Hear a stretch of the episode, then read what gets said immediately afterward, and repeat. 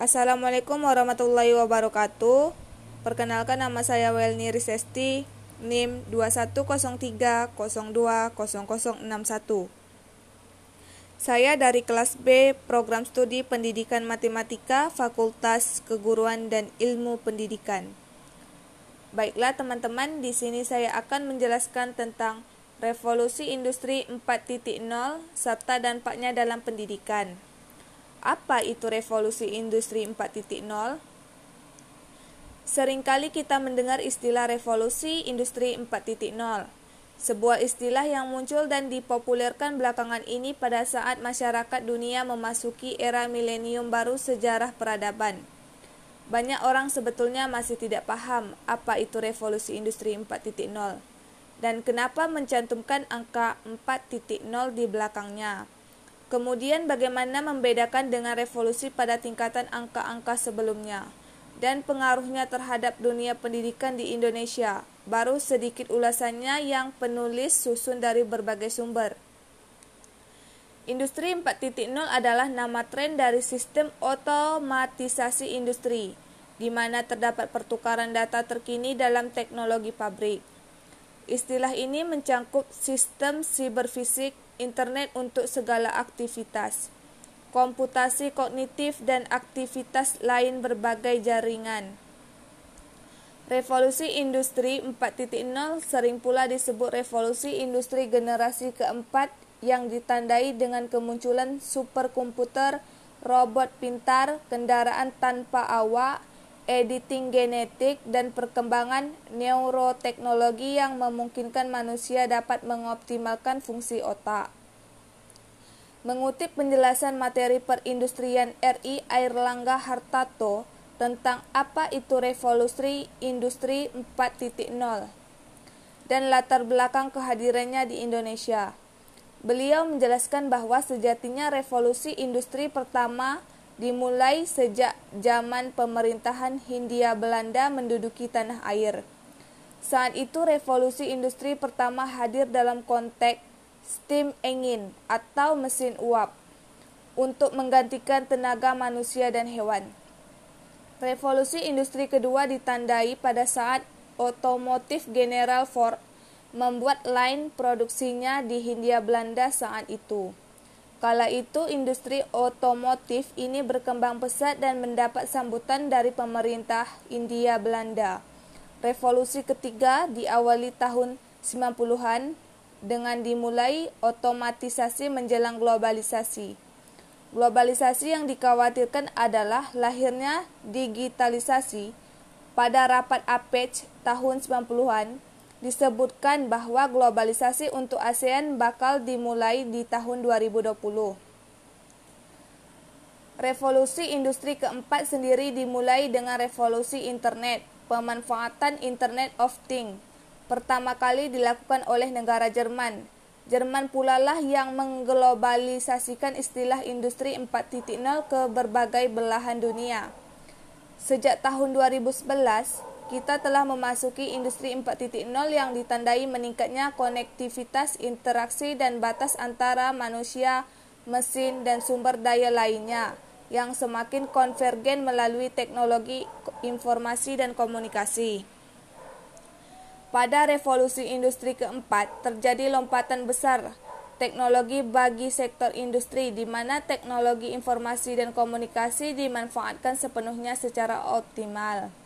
Tidak hanya dalam proses produksi saja, melainkan juga di seluruh rantai nilai industri sehingga melahirkan model bisnis yang baru berbasis digital guna mencapai efisiensi yang tinggi dan kualitas produk yang lebih baik. Industri nasional hendaknya melakukan pembenahan terutama dalam aspek penguasaan teknologi yang menjadi kunci penentu sistem industri 4.0 yaitu Internet of Things, artificial, artificial, intelligent human machine interface, teknologi robotik dan sensor serta teknologi printing tiga dimensi. Lantas, apa pengaruhnya revolusi industri 4.0 ini terhadap dunia pendidikan? Presiden Joko Widodo meluncurkan gerakan Making Indonesia 4.0 yang merupakan komitmen pemerintah memasuki era revolusi industri 4.0 ini. Beberapa pihak mengungkapkan bahwa dunia pendidikan di Indonesia perlu juga mempersiapkan diri memasuki revolusi 4.0 ini dengan melakukan berbagai perubahan dalam menerapkan metode pembelajaran di sekolah, Pertama yang fundamental adalah merubah sifat dan pola pikir anak didik. Kedua bisa mengasah dan mengembangkan bakat anak dan yang ketiga lembaga pendidikan harus mampu mengubah model belajar menyesuaikan dengan kebutuhan zaman. Menurut Mendikbud Muhadjir Effendi, Bidang pendidikan perlu merevisi kurikulum dengan menambahkan lima kompetensi peserta didik dalam memasuki era revolusi 4.0 ini yaitu 1. Memiliki kemampuan berpikir kritis 2. Memiliki kreativitas dan kemampuan yang inovatif 3. Memiliki kemampuan dan keterampilan berkomunikasi 4. Bisa bekerja sama dan berkolaborasi 5 memiliki kepercayaan diri. Selain itu, agar lulusan pendidikan nantinya bisa kompetitif, maka kurikulum memerlukan orientasi baru tidak hanya cukup memahami literasi, membaca, menulis, dan matematika, tetapi perlu memahami literasi era revolusi industri 4.0, yaitu literasi data dengan kemampuan untuk membaca, menganalisis, dan menggunakan informasi di dunia digital. Kedua, literasi teknologi dengan cara memahami cara kerja mesin dan aplikasi teknologi dan yang ketiga, literasi manusia di mana harus sanggup memahami aspek humanitis, komunikasi dan desain.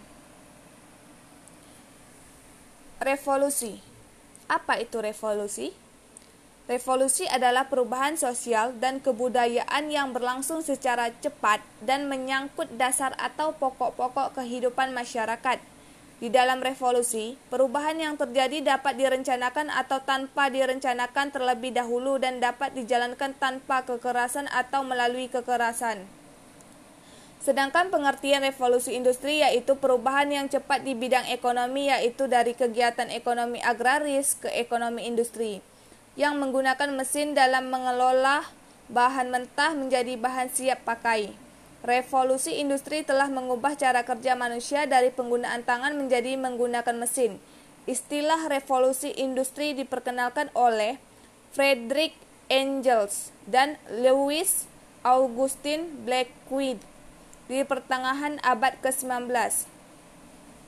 Tujuan revolusi industri yang pertama mencari pemasaran, yang kedua, mencari bahan baku atau bahan mentah. Yang ketiga, tenaga yang murah. Sebenarnya ada dua faktor yang melatar belakangi terjadinya revolusi industri yaitu faktor ekstern. Faktor dari luar, yaitu terjadinya revolusi ilmu pengetahuan abad 16 dengan munculnya para ilmuwan seperti Francis Bacon, René Descartes, Galileo Galilei, Kopernikus, Isaac Newton, dan lain-lain. Ditunjang adanya lembaga-lembaga riset yaitu The Royal Society for Improving Natural Knowledge, The Royal Society of England, 1662. Faktor intern, faktor dari dalam, yaitu keamanan dan politik dalam negeri yang mantap, berkembangnya kegiatan wira swasta dari masyarakat kaya dan pemilik modal. Munculnya minat masyarakat pada industri manufaktur Inggris memiliki jajahan yang luas, kaya akan sumber alam antara lain batu bara, cokes, dan biji besi yang tinggi mutunya. Munculnya paham ekonomi liberal, munculnya revolusi agraria yaitu perubahan sangat cepat dalam penataan tanah dengan berlakunya metode baru dalam pertanian yaitu dengan dampak revolusi industri. Dampak revolusi industri bagi umat manusia terasa dalam berbagai bidang. Yang pertama, munculnya industri secara besar-besaran. Yang kedua, peningkatan mutu hidup Hidup menjadi lebih dinamis. Manusia bisa menciptakan berbagai produksi untuk memenuhi kebutuhannya. Yang ketiga, harga barang menjadi murah. Mengapa bisa murah? Coba bayangkan, berapa ongkos produksi sehelai baju yang diproduksi dengan mesin dibandingkan produksi dengan alat-alat tradisional. Yang keempat, meningkatkan urbanisasi ke kota-kota industri. Yang kelima, berkembangnya kapitalisme modern. Yang keenam, golongan kapitalis mendesak pemerintah untuk menjalankan imperialisme modern. Baiklah, itu penjelasan saya tentang revolusi industri 4.0 serta dampaknya dalam pendidikan. Cukup sekian yang saya dapat sampaikan, kurang dan lebih saya mohon maaf. Saya akhiri dengan wabillahi taufiq wal hidayah. Wassalamualaikum warahmatullahi wabarakatuh.